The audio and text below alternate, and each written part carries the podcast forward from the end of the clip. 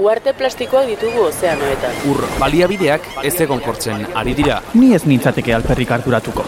Fenomeno aislatuak dira. Bizioiturak eta herri egiturak aipatu izan dizkidate, zerikusirik balute bezala. Erleak kontserbatzeaz ere hitz egin didate. Baita ariztiak zaintziaz edo ezeguneak babestiaz ere.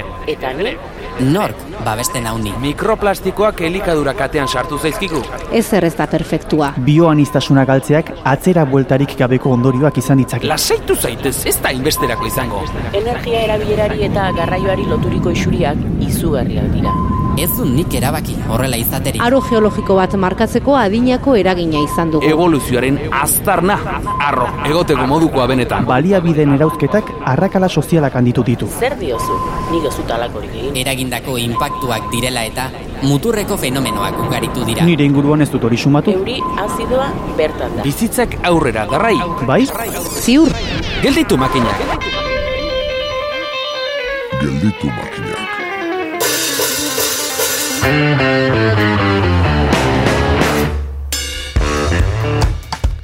Era askotako mezuak jaso nahi izaten ditugu. Esaterako nork ez du inoiz desio izan duela bi orduko gu ginenarengana joan eta abisua pasatzea. Ez gorde mandarina hori azkenerako zapore arraroa dauka. Edo are, etorkizuneko guk esatea hartu aterkia arratsaldean ezerezetik euri egingo du. Badirudi, baten batzuk argiztapen miragarri hori izan nahian dabiltzala, tartean jaso dezaguna izan dadin. Hidrogenoa, hidrogeno berlea da etorkizuneko energia vektorea. Erantzuna ez denez bai edo ez bezain sinplea, Ekopol ikerketa taldeko estitxu bilamorrekin elkartu gara gaia aztertzeko. Bestelako mezuak ere badira, etxekoren batek hor zehar dabilera bidaltzen duen gutunak ilusio berezia pizten du. Buzoian jaso eta sokalderainoko bidea bezain gogorra da gutuna zala irekin nahi eta ez austearen arteko oreka bilaketa. Esku artean dugu Arantxa Idieder kolaboratzaileak bidalitakoa. Pantxo antxorlokirekin jardun da bastan errekaz eta jakiminak dantzan garabiltza. Gustora asko jasotzen ditugun oparitxoak ederki dakizue zein diren pilula forman datozen gomendioak. Ainhoa Gutierrez del Pozok zinemagilea eta gaurko mezularia. Artzailea entzuleak BCC. Gaia gelditu makinaken hogei garren atala. Artxiboak kargatuta dena prest. Beraz, bidali.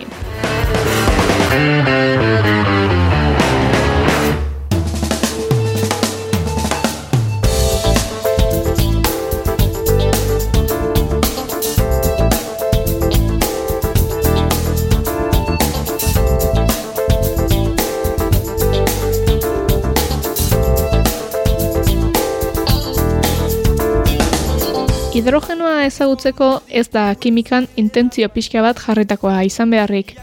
Atxilarri hori behin baino gehiagotan ikusia gara. Bote prontoan ura izan daiteke adibide garbia. H2O. Hidrogenoak baina interesa piztu du azken aldian eta gaiaz jardutera gonbidatu dugu estitxu bilamor fisikaria. Ongi etorri estitxu. Kaixo, Konta iguzu, ea, hidrogenoak, e, hidrogeno eta hidrogeno diatomikoaren arteko aldea zein den?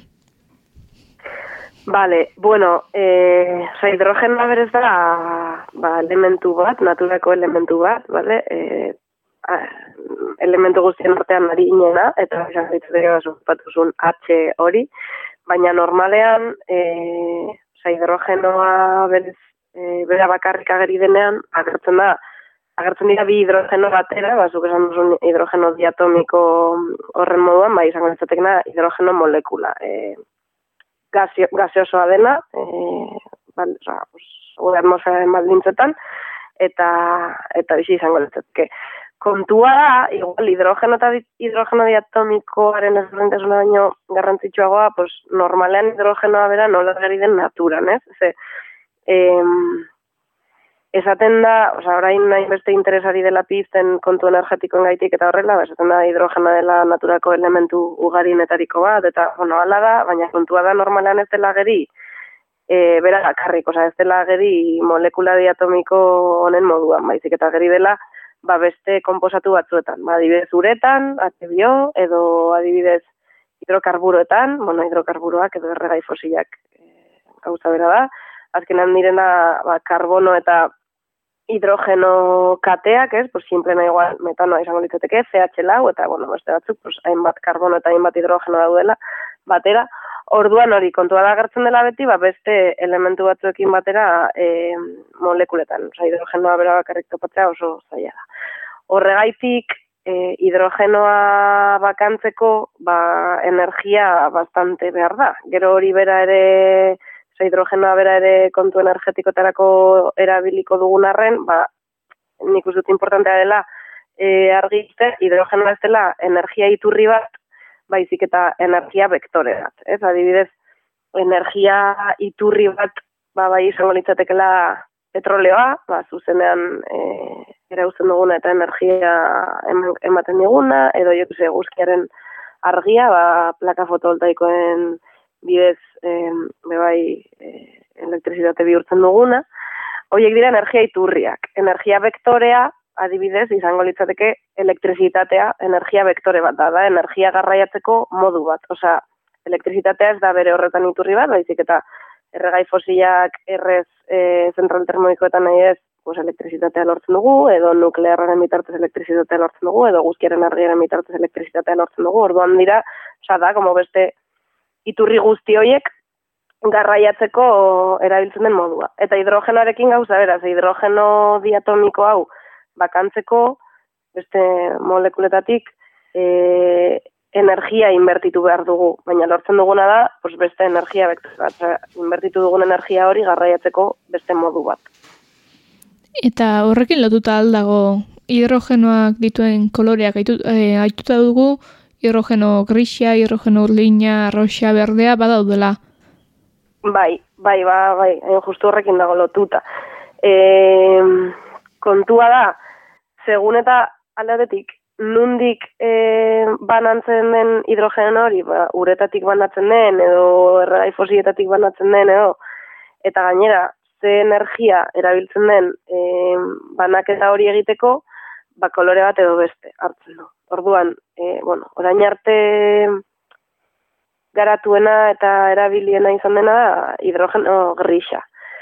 Hau, e, normalean, erregai fosiletatik, normalean batez ere gaz naturaletik, metanotik, CH lau, aipaturiko CH lau horretatik e, banatzen da, eta gainera banaketarako behar den energia ba, jatorri fosilekoa da. Hau, gaur egun erabiltzen da, e, jadanik, bastante, pues, adibidez, e, petrolio birfindegietan, edo amoniako egiteko, edo dena delakoa, eta bueno, erabiltzen denez, baina teknologia garatu bat da, eta mm, bastante, bueno, relativamente merkea da. Grisaren prozesu berdin egingo bagenu, baina, bueno, prozesuan sortzen den e, CO2 edo prozesuan sortzen diren negutegi efektuko gazak biltegiratuko bagenitu, ba orduan hidrogeno urdina litzateke. Baina, bueno, mm, karbonoa biltegiratzeko teknologiak gaur egun, ba ez dira bat ere, ez daude bat ere garatuak, orduan praktikamente urdina ez desistitzen. Bueno, gero badaude beste batzuk, eh, arroxa, marroia, pues arroxak energia nuklearra erabiltzen du, eta marroia ikatzetik datorren da, baina igual hauetan ez nahi zain beste zentratuko, nire ustez igual importantenak e, hola buruan izateko dira grisa, urdina, eta gero berdea. Eta berdea da, pues orain hainbat proiektutan edo sartu nahi duten, edo, bueno, pues, etorkizuna izango dena dirudiena, ez? Eta hau, uretatik askatuko litzateke hidrogenoa, ez, HBO horretatik, eta banaketa hau egiteko energia berriztagarriak e, erabiltzen dira. Pues, bueno, elektrolizi prozesu bat da, ez, ba, elektrizitatea erabiliz, energia berriztagarrien bidez datorren elektrizitatea erabiliz, ba, uretatik askatzea hidrogeno hau. Eta hidrogenoak, bai, edozein koloretakoa izanik ere, ze erabilera ditu gaur egun, zertarako erabiltzen da, eta zertarako erabil daiteke? Vale, bueno, grisa aipatu dut ja pixkat zertarako erabiltzen den, ez? Ba, hori birfindegietan, moniako egiteko, eta, bueno, prozesu industrialetan beharrezkoa da. Osea, ez dauka erabilera energetikorik, nola bait ezatearen, osea, grisaren kasuan ez da energi vektore gisa erabiltzen. Orain, energi vektore gisa erabiltzea da etorkizuneko erronketako bat, ez, edo, bueno, dauden hainbat plan, planetan, ba, e, ezarri nahi dena. Eta hau zer gaitik, pues, bueno, e, orain datorkiguna, bueno, transizio energetiko baten aurrean gaudela diote, ez, eta, bueno, nik uste, pues, ja, e, instituzio eta enpresa handiak ere jabetu direla horretaz, eta deskarbonizazio planak egin behar direla, eta bar, eta bar. Eta bar, badirudi, etorkizun berriztagarri baten aurrean e, aurkitzen garela, ez? Baina, klaro, energia berriztagarriek, ba, muga, hainbat muga dituzte, eta horietariko bat da, batez ere berriztagarriek elektrizitatea ematen dutela, ez? Ba, beste energia iturri batzuekin, bueno, fosiekin, em, ba, bueno, fosiak erabili daitezke, ba, erregai gisa zuzenean e, garraiorako motoreetan, edo adibidez e, beroa emateko, edo denalakoa, baina e, berriztagarriek bakarrik emate gute elektrizitatea. Eta orduan elektrizitatearekin hainbat prozesu, ba, ez dira, bat efizienteak edo, ez? Ba, adibidez, garraio astuna, ba, kamioien garraio eta bar, edo makineri astuna, edo itxasoko garraioa, edo aviazioa, edo bero handia behar duten prozesuak, ba, dibidez eraikinak berotzea bera, edo jarduera industrial batzuk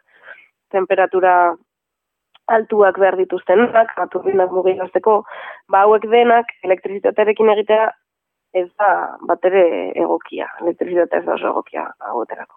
Eta arduan, e, haueterako, ba, espero da agian hidrogenoa izan daitekela e, ba, bueno, pues etorkizuneko vektore bat, kontu hauetarako edo, ez? Orduan, hidrogenoa nola erabiliko litzateken? Bueno, lehenik eta hidrogenoa bera erregai gisa erabili daiteke, e, ba, industrian edo e, garraiorako, ba, direz espazio gaur egun erabiltzen da. Gero hidrogeno pila delakoa e, egongo litzateke, pues, e, garraiorako ere bai, e, pila honek metatzen du hidrogenoa eta doa askatzen hidrogenoa poliki-poliki, honek berriro ere elektrizitatea sortzeko motore elektriko bat mugiarazteko, baina e, ba, bueno, pues, bateriak baino gokiagoa izan daiteke kasu batzuetan. Eta gero beste kontu bat, pues beste plan bat oraindik ere airean dagoena, baina izango litzateke erregai sintetikoak egitea. Osea, erregai fosilak, baina baina sintetikoak. Osea, pues karbono eta hidrogeno kateak egitea, ez? Eh, ba sortutako hidrogeno honekin. Eta bueno, karbonoa adibidez, eh integiratutako CO2 horretatik hartzea, ez? Eh, eta bueno, pues ja, o sea, isur, isurtzea eragotzi den karbono honi nolabait beste bizitza bat ematea, erregai sintetiko hauetan eh, erabiltzeko, ez? Eta bueno, pues igual bastante egokia litzateke egungo garraioan oinarritzen den motoreetan eta egoki gitzapen oso gutxi egin beharko liratekelako, e, baina hauek sortzeko ere energia asko behar da.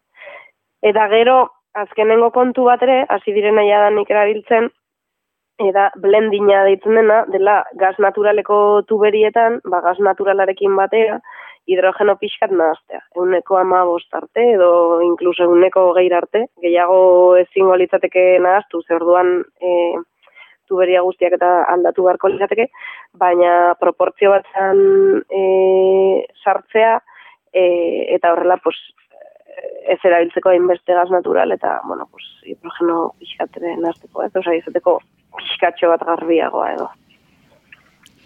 Gaur gaurkoz, esan duzu, e, bueno, garapetzeko bidean dagoen teknologia dela orainik ere, baina baliabide hau garatzeko hain zuzen, ze, zer ditu, aldeko ze arrazoi ditu eta kontrako zein? Bale, bueno, aldekoak bat ikustut, aipatu dana, ez? Ba, igual, eh, energia hori eta elektrizitatearen kontua gaitik eta eh, dituzten muga hoientzako, ba, aipatutako sektoreietan, pues, garraioa edo beroa edo, izan daiteklako alternatiba, alternatiba bat, ba, pixo faktiblea dena. Eta arazoak, ba, asko. e, bueno, pues hori, aipatu dugu moduan oraindik hidrogeno berdea E, ze, karo, hidrogeno grisa bai dela teknologia bat bastante garatu dena, baina honek ezak zea bantaia ekarriko lituzken, ze hau guztiz dago oinarrituta erregai fosiletan, ez? Orduan, pues ez du zentzurik e, hau erabiltzea, korretarako jarraitzen dugu erregai fosileak erabiltzen. Hidrogeno berdea ez dago batere garatuta, ez dago gaur egun oraindik produktu estandar bat, ba, purutasunari dagokionez eta prozesuei dagokionez, eta bar, orduan komertzializatzeko zaila da, seguramente horregaitik, ba, berdea bastante garestia da, grisa baino hiru edo lau bider garestia da, ba, elektrolizatzaileen teknologia ere garatuta ez dago, eta horregaitik ere izango da garestia, baina, bueno, teknologia hau garatzeko ere, oza, elektrolizatzaileak martxan jartzeko, ba, material berezi eta urri batzuk ere beharrezkoak dira, ba, adibidez platinoa, ez? Eta, bueno, pues, materialen eskazia dagoenetan, azkenean, pues, ezakit, erregai fosilen eskasiarekin gertatutako antzeko arazoak ditugu, ez? Igual gero pixkat komentatuko dut zako nago. E, gero, energia galera pilo bat daude, oza, ez da bat ere efizientea prozesu hau, karo. Igual komen izaigu energia vektori hori, vektore hori izatea, eh, hain batera dietarako, baina elektrolizia bera oso inefizientea da, oza, uneko berrogeita marreko efizientzia izango luka, uneko berrogeita marreko galerak, beraz. E, eta gero ja gainera, segun eta zertan erabiltzen dugun, pues hidrogeno piletan erabiltzen badugu, ba, oraindik eta efizientzia gutxiago, edo erregai sintetikoak egiteko erabiltzen badugu, pues, ez, beti doa galtzen efizientzia. Orduan hori arazo handi bada. E, eta horrekin lotuta ere, ba, garraiatzeko eta metatzeko ba, oso zaila da.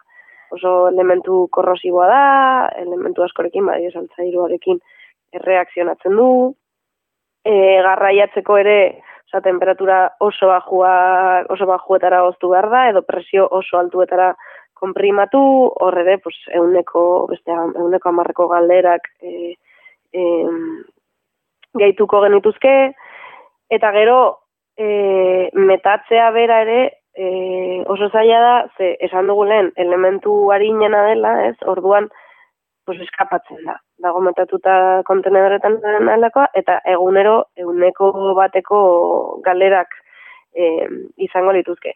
Orduan, ere askotan aipatzen da e, hidrogenoa energia berriztagarrien intermitentziei soluzio bat emateko moduan, ez? Bai, jokese adibidez, udan energia berriztagarriekin soberakin pilo bat baldin badaude, ba, sortzea hidrogenoa eta metatzea eta pues, energia gutxiago dagonean erabilia izateko, baina claro, eh, ez da posible ez udan sortutakoa negur arte metatzea, ze egunero doa altzen, ez? Orduan, pues, prozesu guztian zehar, sorreratik eh, metatzea garraiatzen no seke, pues, aipaturiko eguneko berrogemarreko efizientia hori, pues, hori kasuriko nenean izango zaiteke, baina incluso jaitxia daiteke eguneko gehi, eguneko amarreko efizientia bat izatea, ez?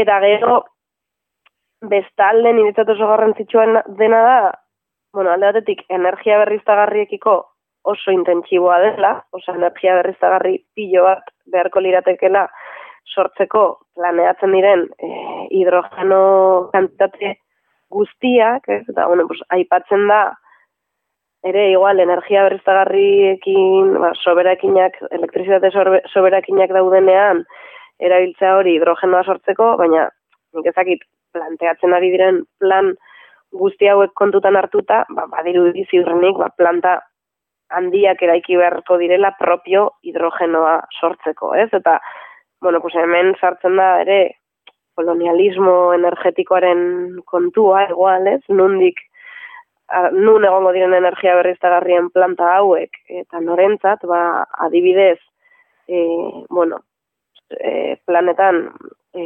Espainiak edo Portugalek edo bueno, Europa egoaldeko herrialdeek nahi dute puntero izan hidrogen, o elektrolizia hau egiten, gero igual askotan e, Europa iparraldeak erabiliko duen hidrogeno besteko Bueno, askotan gaur egun berriztagarriekin ari da hitz egiten ere e, landa eremuaren kolonialismoarekin, ez? Ba, azkenean landa eremuan jartzea hainbat eta hainbat zentral berriztagarri, ba, eolikoak edo fotovoltaikoak edo dena delakoak, gero, ba, irian e, beharrezkoak izango diren erabilera kasetzeko, edo inkluso hidrogenaren planen barruan, e, pues badago bai, e, adibidez, Alemaniak daukan plana, Kongon, e, Kongoko ibaiko presa hidroelektriko bat erabiltzea, e, elektrolizi prozesurako hidrogeno kantitate handiak sortzeko, eta e, gero hori garraiatzeko trenez e, Alemaniara ino, ez, edo Europara. Orduan, bueno, pues, logika kolonialistek ere hor jarraitze dutela. Eta gero, pues, begai importante da nietzat jabetzea, energia berriztagarriek muga asko dituztela. Orduan, e, hidrogenoa sortu nahi badugu, edo bandatu nahi badugu, e, berriztagarrietan oinarrituta, ba, bueno, jabetu behar dugula da, muga hauetaz, ez? Eta, igual importantenetariko bat izango litzateke, bazkenan energia berriztagarriak martxan jarri alizateko, osea, pues, e, aizerrotek edo plaka fotovoltaikoek edo, behar dituztela material oso konkretuak eta oso urriak, ez? Metalak, ba, kobra bezalakoa, edo, bueno, metal oso espezifikoak, ba, lurra raroak daitzen direnak, eta normalean mineral hauek daude lurrean e, oso oso proportzio txikian eta oso nahaztuta beste mineral batzuekin oso zaiak dira banatzeko, energia asko behar da, hauek banatzeko ere bai. Orduan, karo, segertatzen da, gaur egun erregai fosiekiko daukagun dependentzia hau, ari garela, bueno, ordezkatzen, edo ez dakit ordezkatzen, edo igual, ari garela gehitzen ere, beste mineral urri hauekiko dependentzia. Eta orduan, pues, fosiekin ditugun arazo berdinak, ba, ari gara reproduzitzen ba, beste mineral hauekin, ez? Azkenean, e, planetaren muga fizikoekin egiten dugula topo, ba, material hauek ere gero eta urriagoak izango direlako, material hauen gaiurrak ere topatuko dugulako, ez? Eta gero ere, ba, fosiekin bezala, nundik eskuratzen ditugun material hauek, zen normalean, ba, egoalde globaletik eskuratzen ditugu, ba, bertako komunidadeak suntxituz, bertako ekosistemak suntxituz, ba, iparralde globaleko beharrak azetzeko, ez? Orduan azkenean, hidrogenoaren inguruko kriston plan gintza egiteak, ekartzen dugu, energia berriztea garrietan oinarritza, horrek ere dituen arazo guztiekin, ez? Orduan, bueno, arazo bastante globala eta komplexua izango litzateke. Beraz, hidrogenoak ezinbestean dituen mugak eta dituen eraginak ikusirik, zer dela eta konpainia energetikoen eta instituzioen interesa mm, elementu honekiko? Hmm.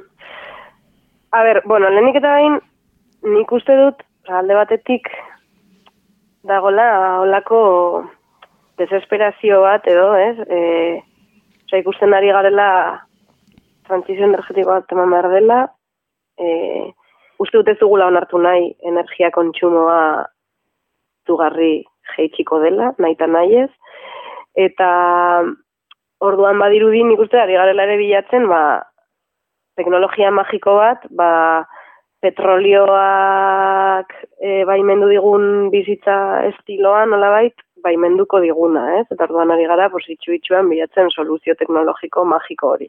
Eta orduan hidrogenoa, ba, gaur egungo testu inguru honetan, ba, ba, badirudi batzuntzako, pues, teknologia magiko hori dela, eta, bueno, ba, pixkat, ba, merkatuak bere horretan jarraitza mantendu dezakena, ez, hori alde batetik, nik ustut, importanta dela.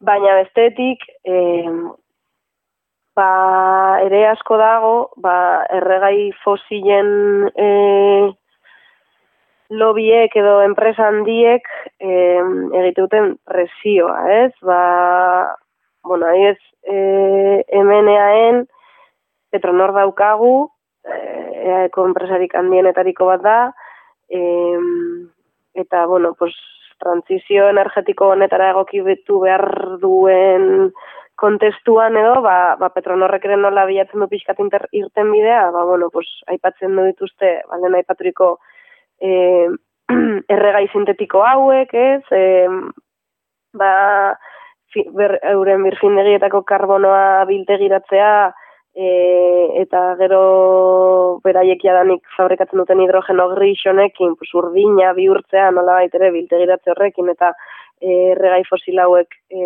oza, erregai sintetiko hauek e, fabrikatzearena, ez? Ba, bueno, pixkat, e, ezakit beraien beharrak edo beraien presioa hor dago, eta, bueno, zentzu hortan, pues, Eusko Jaurlaritzako planak, badiru bai, egokitzen direla, ba, Petronorreko plan hoietara, ez? Eta hainbat eta hainbat milioi diru publiko ba, bideratzen dira horretara. Maia zabalago batean, oza, maia europeo batean edo, pues, badaude hainbat lobby ere, badibes Hydrogen Europe, besteak beste, eta hoien atzean ere daude, ba, enpresa fosilak, batez ere gaz naturalaren inguruko enpresak, ez?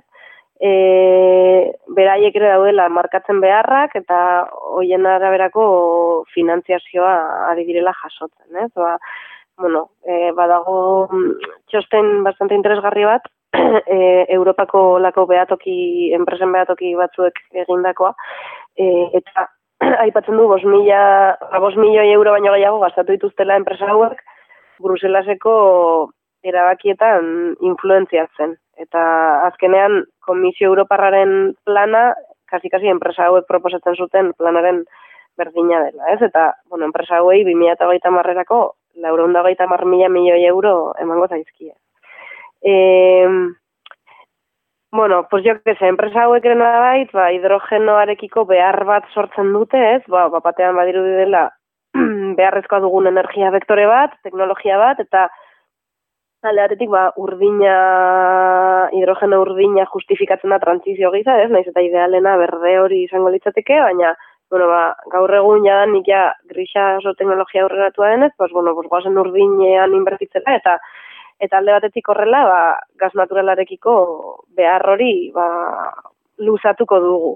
Eta gero, azpiegitura gaziztakin ere, e, pues badago hor tema bat, ez? Ba, bueno, Europako gas azpiegitura, gas natural azpiegitura guztia oso oso sobredimensionatuta dago, eta, pues, bueno, badirudi horrela ere, ba, nola baiteko irtera eman altzaiola, pues, epe motzera alde batetik lehen aipaturiko blending horrekin, ez? Ba, gas naturala eta hidrogenoa nahaztu, eta gero, pues, epe luzera ere, zelako negozioa izango litzateken, ba, dauden azpiegitura guztiak, hidrogenoa erabilia izateko egokitzea, ez? E, bueno, kriston aukera ere merkatu bentzat, eta bastante fama, o sea, bastante ezaguna gaur egun hidrogen backbone edo hidrogenaren bizkarrezurra izeneko proiektua, Europa mailan e, olako kriston interkonexio bat hidrogenoa garraiatzeko, eta honen arira adibidez, pues, bere garaian baztertu ziren gas infrastruktura proiektu zaharrak, pues, e, nola bai gaz naturalarekin ja etorkizunik ez dagoelako edo,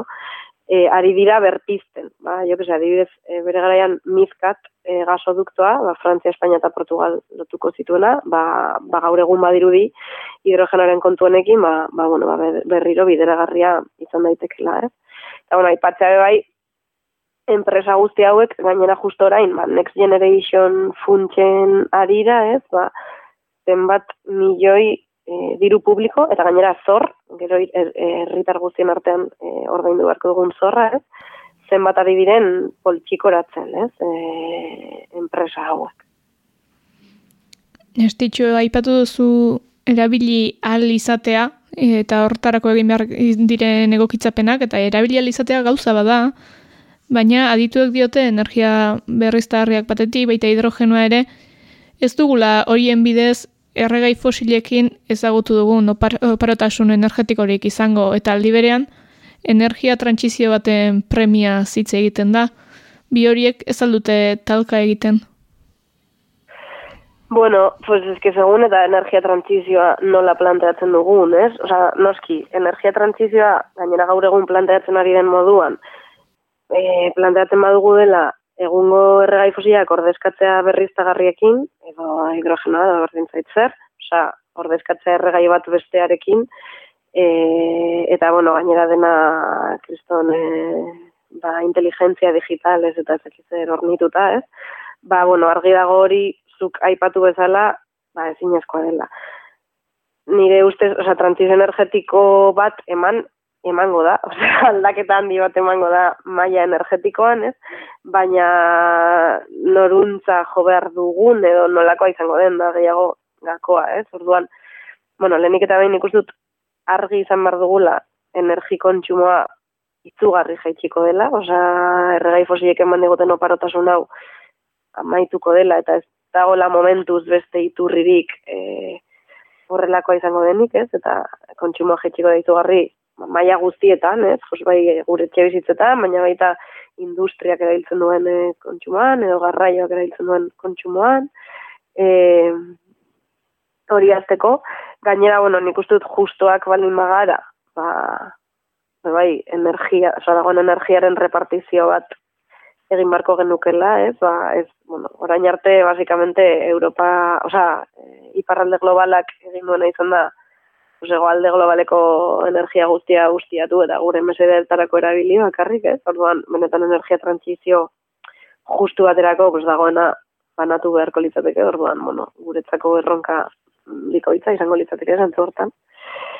Eta nik ustut behar beharrezkoa dela e, sistemaren logika aldatzea, ez? Osa, aldatetik sistema ekonomikoaren logika aldatzea, ba, gaur egun azkunde ekonomiko etengabeko azkunde ekonomiko batean oinarritzen dena, horretarako etengabeko energia erabileraren azkunde bat eman behar da, eta eske, eta eske obviamente ez dago teknologiarik etengabeko azkunde hori e, baimenduko duena.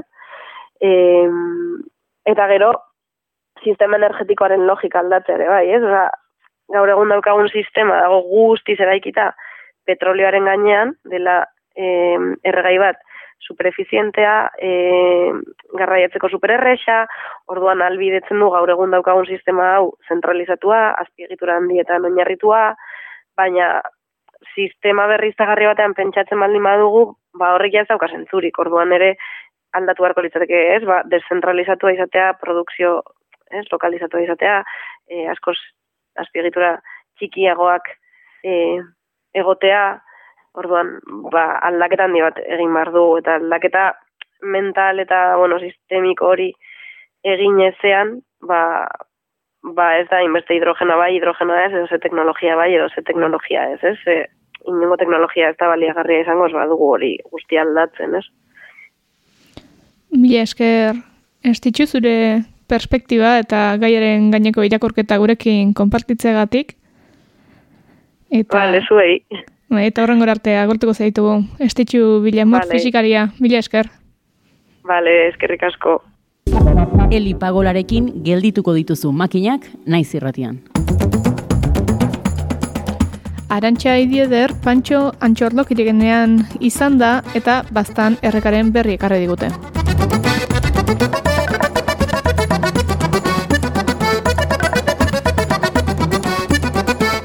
Pantxo Antxoki deitzen naiz, e, bioko erakasleen iz etxe paridizioan hori aspalditik. Eta bidarretaren iz, beraz bidarrin ibiltzen iz, ba, tipeti dani, bai mendian, bai erriketan, beti eta pasionatian iz, naturaz eta aberitaz, eta hori beti arrentzan ibili naiz, tipeti dani, kola ikasia dut iraitan, iraitatxeak ilan, eta beti hortan iz. Eta azkenean beti bastan erreka bazter hortan uh, ibili zirela egiten alda?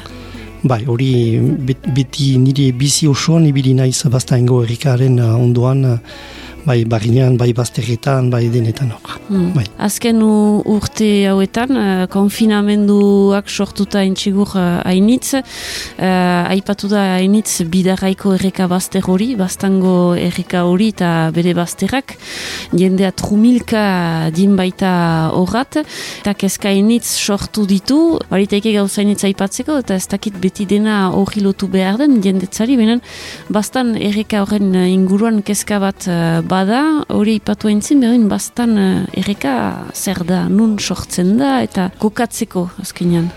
Bon, hori ipatzen dugun bastango erreka bidarin kokatzen da, Beraz, badu bere partia ipagaldean, eta egualdean ere baditu bi, bi errika gainean handik etortzen da alde batetik uritzateko uritzateko aldetik eta beste alde, beste aldetik aritzakunitik. Nik beti hori gandut plaztangurrika altxor bat da. Eta ajarua da olako erika bat izaitia hemen hemen ipagaldean edo igualdean ere ez dira hainitzatxe maiten nola zeren eta erika horren bazterretan etxerik ez da. Ez da ezer. Beraz, e, labolarik ez da ere. Beraz, ez da sekuran kutsadurarik izan erika hartan horregatik egiten dut altxor bat dela. erran nahi du, zinez uh, garbia dela, horrek erran nahi du, uh, bada inguruko aktivitaterik garbitasun zeit txikitzen dela edo? Bai, erika hori beti, beti danik biziki garbia izan da. Beti, beti, beti, eta aspaletik neurtua izan da hori uh, indize biotikoa, hori da da ikerketa bat lotua da makro ezurgabekoei, biltzen ditugunak argien azpian hori uh, eriketan. Horren uh, ikerketaren ondotik, uh, bastan, ba, erikari maiten dugun nota bat. Eta nota hori joaiten da zerotik amagarte. Amarderarik da biziki-biziki garbia. Eta bastango erikako nota beti amar izan da. Badira espezia jaroak, eman izango plikopteroak. Plikoptero horiek, Bo, ez dute egiten bakarrik bastangurrikan atxamaiten denik, baina bastangurrikan beti izan da. Eta biodibertsitatea ikelagarria beti izan da, eta beti untsa babestua izan baita, e, kutsadurik ez da. E, beraz, e, kutsadurik ez baita, beti, beti, beti, beti danik atxemanak izan dira, eta eta orai arte ala izan da. Mm. Eta justuki, zer da bastan errekaren eh, biodibertsitate hori eh, zer atxemaiten alda erreka barne hortan eh, ze bizidun eta... Be, beraz ahien azpian prekoptero famatu horiek, gehi trikopteroak, efemeropteroak, bon, badira famili espezie ezberdin, hainitz, hainitz, hainitz. Eta gero ahainetan, hor bada berizitasun bat, kasik bakarrik amoa ahainak atxemaiten dira, badira ere xipa atzu, verron hori eta ifrantzisez, eta kasik uh, bakarrik badira moarreinak. Xantza hori dugu, alo, batzuk ez dira ados nerekin horrekin, menan egia da, bidarin bertan, bada barraza tipi bat, eta, beraz, barraza gizakiek dute sortu hori, eh? Baina hori esker niretzat, arrain txuriak, le barbo, xeven eta horiek, ez dira egiten ahal. Horregatik bastan horrekan beti bakarrik amua reinak izan dira. Eta justuki hor observatzen da hori biziki untsa, uh, ibai hainitzetan, berotegi efektuaren gatik, oksigenuaren kantitatea tikitzen da uretan, eta reinik behar dute. Zenta temperatura egaiten delarik, oksigenuaren kopulua tikitzen da eta oksigenoa beharrezkoa da, eh, guretzat bezala, eh, beharrezkoa da, arrainentzat, eta beriziki, amo arrainak behar ditu, behar ditu ur biziki hotzak oksigenoz beteak direnak. Eta errika initzetan, observatzen dena da, oksigeno kopuru hori tipitzen baita, amo arrainak hautzen dira. Eta beste arrainek gaina hartzen dute. Eta kompetizioa bada hien artean, eta horiek dute irabazten eta horiek obekio adaptatzen dira uraren temperaturaren aldaketa hori. Amuarrainak ez direnak uh, Hori da, amuarrainak ez direnak. Aliz, bastango horrikan bakarrik amuarrainak baitira, xantza hori dute bakarrik dira, eta oh, mementuan mantentzen dira. Mm, mementuan, menan, lehen asigira ipatzen, azkenean, uh, ba, azken urtetan, uh, zerbait observatu dela bidarraiko erreka hortan, uh, bastango errekan, uh, amarreko zenbaki bikain hortaik urruntzen uh, ari dela. Ebe bai, e, fenomeno berri bat uh, agertu da gure eskualdean, e, konfinamenduaren uh, konfinamenduarekin, diendia urbildu da, bastangorikari, zer gaitik hori zen eta be, kostaldetik, bizik urbila da bidarai. Oita, oita bost kilometro eginta bidarin gira. Eta diendia ibili baita, be, atseman dute toki hori, lehen pixkat, uh, guti ibiltzen zen, ora egeroztagiago, eta bilakatu da be eskualeriko pizina hundiena. Eta diendia joeten da, urbitzen da, aparketzen da edo tokian, uh, oinez jo, joiteko plazan autoz joiten dira, eta gero putzu guzietan metatzen dira. Eta ostion egan nuena, zen oksigenoaren kopulua tikitu da, uruak berotu dira, eta berotegi efektuaren gatik ere, observatzen dena da euria delarik urak egiten dira bizikifite, baina bizikifite jausten dira ere. Eta uraren kantitatea tipitzen, ta, tipitzen baita, amua reinak orai, ez dute aukera hundirik udan, hainitzetan, metatzen dira ziru putzuetan. Baina, baina mailuski putzuetan jendeak bainatzen dira. Hmm. Bai, leheno ere bainatzen zen, uh, errika hortan? Ba, baina leheno... Uh, leheno askoz gutiago ziren eta ziren gehiago mendizaleak, joiten ziren mendiat eta bartetan bainatzen ziren eta e, haien helburua etzen bazlango rikara joitia bainatzerat. Zen mendira joitia eta pasatzea batzutan bon, bainatzen ziren eta etzen beste urbiltasun bat bazen mendiarekin. Hor da gehiago nik ala egiten du kontsumitzaileak dira, diendeak joiten dira harat, me, putzura arte joiten dira autoarekin, eh, kasik apakatzen dira uraren barnean, eh? Joiten dira arat, eta helburua da bainatziat, eta han pasatzen dute, dute egun osoa, jaten dute ondoan, buskak busten dituzte ba, bazterrietan, bainatzi kremak, e, zera kremak emaiten dira, krem soler delakoa emaiten dira, eta gero horrekin sartzen dira uretan. Horrek e, behar bada piztoko du galdera bat, me, krema hori, e, unek keutsatzen aldu ura. Ebe bai, zenta diendea iniz delarik, hainizerek itxasua, itxasua zabala da, baina bastan ikia da, eta putzuetan, duzularik putzu bakoitzean, oitamar berroi pertsona bainatzen direnak, eta bakoitzak emaiten duelarik krema, joeten delarik, e, krema hortan diren molekulak, e, atxamaiten dira uretan eta horrik badu eragina. Gehi putzuetan hor dira arrainak, diendeak bainatzen dira, barrasak iten dituzte, argiak mugitu, eta argien azpian diren justuki makroezu grabeko horiek, beraz, ekosistema guzia hor trabatua da, eta horrek alta hondiak sortzen ditu. Desoreka sobra bortitza azkenean sortzen du? Bat bateko desoreka, biziki bortitza da, eta ostion egiten nuen altxor bat dela baztangurrikan, eta ez dela sekuran kutsadurarik izan, eta hor maliruski, observatzen da, eta orten observatu dugu dauntan, tokia initzetan prekoptero famatu horiek ebez ditugu gehiago atxemaiten. Zinez ez ditugu gehiago atxemaiten putzu handi horietan.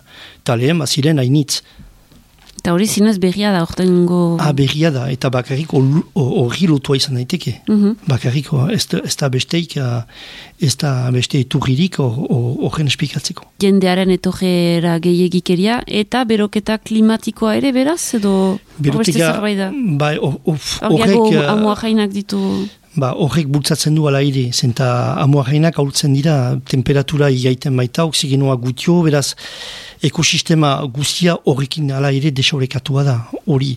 Baina horrik gehitzen baduzu uh, diendeen uh, urbitasuna eta diendeen presentzia, horrek uh, bultzatzen du fenomenoa. Mm. Errekaz uh, ari gira, errekaren barneko biziaz, baina azkenean uh, erreka baten jola, uh, zoin da bere ingurunearen zat, nola, nola kokatzen da azkenean erreka bat uh, bere ingurunean? Errikak be, badu bere funtzioa, bere badu funtzioa, lehenik da barne, barnean direna bereak, landareak eta hor dute haien, uh, haien bizigunea eta ekosistema oso bat hor bada. Ekosistema hori bizikiuntza horrekatua da, gehi bazterian direna bere guztiak, uh, ururi baliatzen dute, bai edateko, bai bainatzeko, eta Me hori fenomeno normal bat da, ibar batean e, ez bada errikarik, e, bizirik ez da, ura da funtsesko hauza mm, biziaren zat. Justuki hor, e, bon, bastango gune hortan, errikaren garapena ikusten duzu aldaketa bat, ere ez dakit ur jarioaren aldetik, edo tipitzen da, onditzen da, hor bada aldaketarik alde hortaik, edo... Bai, jarioa hainiz aldatzen da, e, ez da lehen bezala, lehen lehen, uh, ez daki fenomeno berri bat da hori, eh? observatzen da ibai gehienetan, urak uh, azkar, azkarrak direlarik biziki fite jausten dira, eta udan bizi, urak biziki apalak dira. Bat batean, lehen uh, euria neguan, e, gero primaderan, euria bazen normaltasunean bezala, me orai aldatu da initz. Orai izan ditek, pasatzen aldugu hilabete oso bat, urik izan gabe.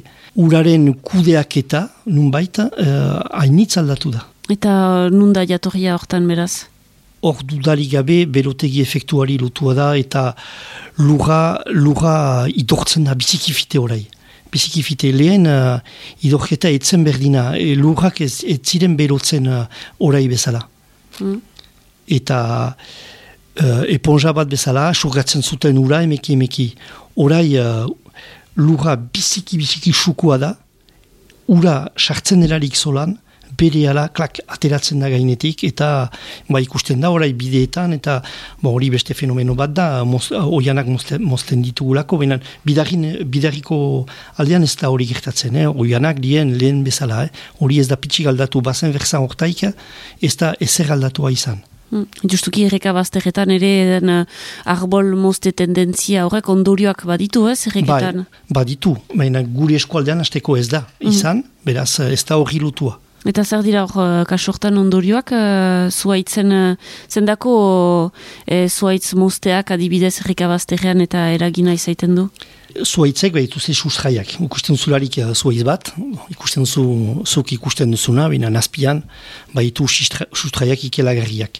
Eta sustrai horiek ura atxikitzen dute, ura atxikitzen dute.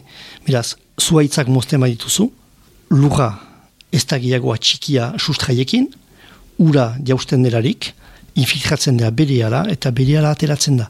Regatik, eh, lehen pentze guzien inguruan baziren esiak, baziren esiak, baziren eh, suaiskak, baziren zuaitzak, eta horiek ura asikitzen zuten. Beraz, beti be- orai, uh, ez da gehiago moztuak izan dira, gatesistak badira denetan, euria delarik, berehala, inundazioak badira, berehala ura gainetik pasatzen da. Ez baita gehiago zolan atxikia. Eta ordan, uh, bastango errikara uh, berriz joiteko, uh, zerk kezkatzen zaitu, uh, zelkarte bat sortu duzu uh, bastanen, uh, uh, fe bidarin, uh, piskat bastango errika horren uh, babesteko, hainbat uh, elementu badira, bada jendearen etorrerarena kudeatzea, eta bak, baina zein da kezka azkenean uh, biodibertsitatearen uh, hiltzea edo agertzen bada errika hortan? Segur dena da, hola segitzen bada, aurten gertatu dena, oino, aurten xantza handi bat izan dugu, zenta gure uda biziki txarra izan da. Euria bai. biziki untsa izan da. Bon, ez da beti hola izanen, nire, nire ustez geruzta beroagoak izan dira udak, edo primaderak berdin.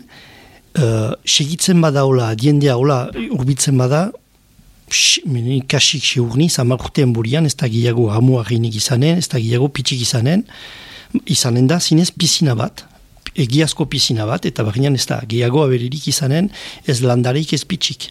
Mm. Guri nik kasik ez dut dudaik hortan. Beraz, behar da hori kudeatu. Kudeatu behar da, bon, lehenik uh, diendei uh, debekatu urdea zola kolpez behar da mintzatu diendeek ilan eta erran, be kasun, behar duzue ekosistema batian sartzen zitelarik, be, behar duzue errespetatu. Eta kaso egin eta inala egin uh, babesteko barrian diren uh, espezie guziak. Baina momentuz ez da debekurik pentsatu, ba, zure ustez erreka behar litaike etxi, justuki uh, jendearen bainatze gogoari edo...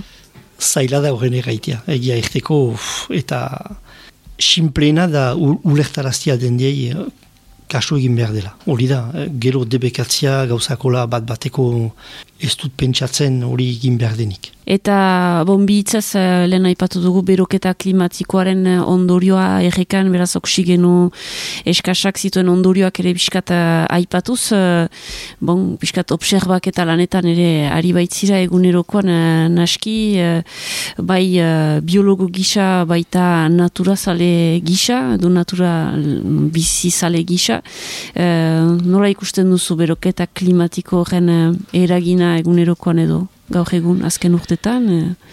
Ebe errika aparte, erriketan ikusten da ezinez, me ni arrituan izan eta bizi batean, bizi bat, ez niz aintzar, ez dut oino egun urte, Zoino. bizi batean, e, nola aldaketak, nola fite ikusten ditugun. Ikelagerria da. Lehen pentsatzen ginuen, bon, berutegi efektuari, bon, bada marja bat, uh, ikusiko dugu, mementu batez, baina ez hor ikusten dugu. Eta nik eman ezagun aurten migrazioari begira, du, dila bi urte berdin gertatu da, migrazioa arrunt aldatu da gure eskualdean. Uh, lehen iratiko aldean eta usuak pasatzen ziren, aurten uh, ibainetako aldean, bankan eta ez da kasik ezer ikusia izan, e, sarako aldean berdin, urtzuek, uh, pekadak, uh, ez dakit, uh, kriston aldaketak badira ikusten da, ezinez ikusten da. Erikatzeko moduak, lehen pasatzen zuten negua be, lehen Marrokian, gero Portugalen, Espainian, Andaluzian, eta orai ebe pasatzen dute negua Frantzia, Frantzian, eta batzuk ere ikusia izan dira balizargoz delako hiekin, batzuk pasatzen dute e, negua Polonian. Polonian, pentsa Polonian, lehen Polonian eh, neguan uh, ez ziren egoiten ahal. Eta orai, usoetan, u- urtzoak ez dira, ez dira gehiago migratzen, gehien gehienak. Eta bai, aski da ikustia, bai honan, bai honan, kanbon, azparnen, eh, itxasun denetan, eh, pasatzen dute eh, urte osoa. Orai, umeak hemen egiten dituzte. Lehen ez, lehen ez ginituen ikusten, ikusten ginituen usoak bakarrik emigrazio denboran. Orai, argunt aldatu da hori. Pekadak berdin, pekadak orai negutzen dira hemen, eskualegian negutzen dira. Horregatik, eh, haien eiza, asteartetan eta ostilaletan debekatua da orai. Abendutik landa, debekatua da, zentan negutzen dira hemen. Eta nik pentsatzen dut, egun batez, ez dakit, eh, behar bada ikusiko dugu hori ere, bost hamar urten borian, be pekadak ez ditugu gehiago hemen ikusiko hemen uh, eskualegian, behar bada negua pasatuko dute Alemanian eta migrazioa bukatua izanen da. E, aldaketa horiek, argi-argia da ikustia hola, hain fite gauzak aldatzen. Bai, eta horrek eran nahi du urte zurte, e, zer dira ondorioak e, Bo, beti lurralen historian beti aldaketak izan dira. Baina bai abereak, baita ere landareak, beti adaptatu dira. Adaptatu, gero izan dira krisia ekologiko haini, hainitz, eh? espezie desagerpen bat bateko hain kelagarriak, hori bai, gure lurralen historian. Eran hor, da bat batekoa baino fiteago, biziki fite joiten da, eta espeziek ez dute astirik adaptatzeko. Eta ikusten da, eh, bai, uh, vegetalak ari dira aldatzen hemen gure eskualdean, itxasoan ere badira arrain berriak hemen agertzen direnak, bada hemen ezagun de balista, da arrain mota bat, uh, mediterraneoko arrain bat da, eta horrek go, mm, hemen golku hartan, Euskal Herriko golkuan, badira iniz gerozta gehiago. Eta lehen arraintzaleak ez dituzten zagutzen horiek, orai bai, badira arrain berriak. Hau batzuk lortzen dute adaptatzea eta beste batzuek ez. Bon, ebe ikusiko ea bastango erreka hori adaptatzen den, egokitzen den e, gaur egungo jendeari edo jendarteari. Mm, bai, zaila izan, izanen da, zenta ikusiz. Amuarrainek eta horiek baituzte bet, eh, behar eh, bereziak baituzte eta horiek adaptatzeko zaila ikusten dut. Hmm, Pantxo antxorroki miresker? Bai, mereskiak zuri arantxa. Gelditu makinak. Naiz irratian, Eli Pagolarekin. Honetara ezkero, esan beharrik ez dago nor dugun parez pare. Hala ere ez dago soberan Ainhoa Gutierrez zinemagileari harrera egitea. Hau Ainhoa. Gaixo, Eli. Ea ba, zure da hitza. Bueno, gaur beste pelikula bat ekarri dizuet, Suspension, deitzen dena, kolombiarra da.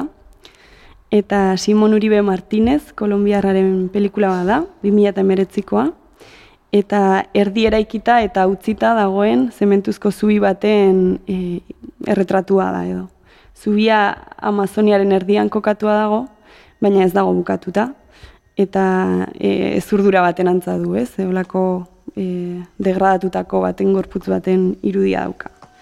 E, zuzendari hau 2008an, oza, sei urte lehenago hasi zen filmatzen, eta eraikuntza obra hoien eta hauen ondorioen inguruan mintzo da.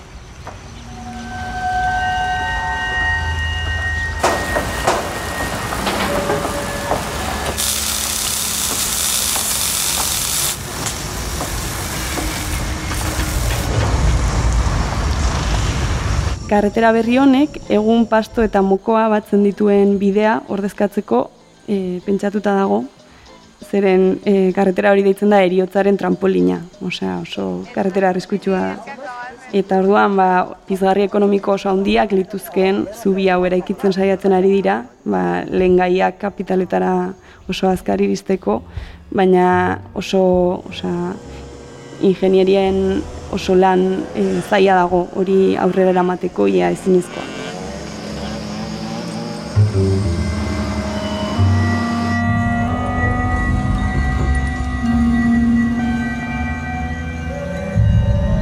Desde el punto de vista técnico no hay barreras.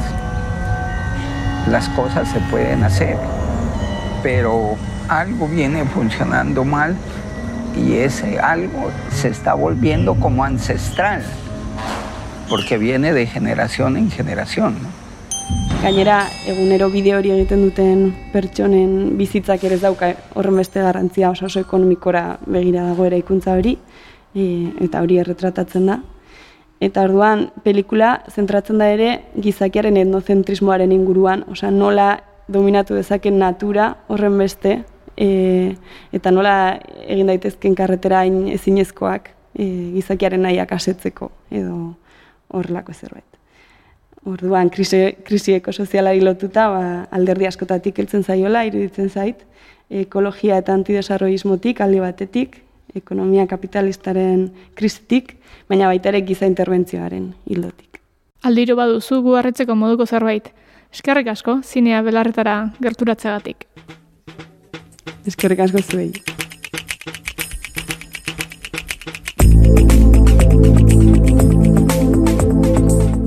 Bidalitakoak espamera joango etzirelakoan, saioa itxiko dugu. Hau izan da, gelitu makinak saioaren hogei garren atala, datorren erartea dizkide.